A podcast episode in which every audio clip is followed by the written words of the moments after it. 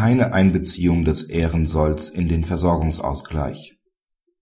Der für eine ehrenamtliche Tätigkeit bezogene Ehrensold nach den Ehrensoldgesetzen der Länder ist keine Altersvorsorge und unterfällt daher nicht dem Versorgungsausgleich. Die Parteien streiten um die Durchführung des Versorgungsausgleichs. Der Ehemann erhält als ehemaliger Bürgermeister Ehrensold nach dem Ehrensoldgesetz des Landes das Amtsgericht führt den Versorgungsausgleich mit Berücksichtigung des Ehrensoldes durch. Der Ehemann legt unter anderem dagegen Beschwerde ein. Das OLG gibt in diesem Punkt der Beschwerde statt.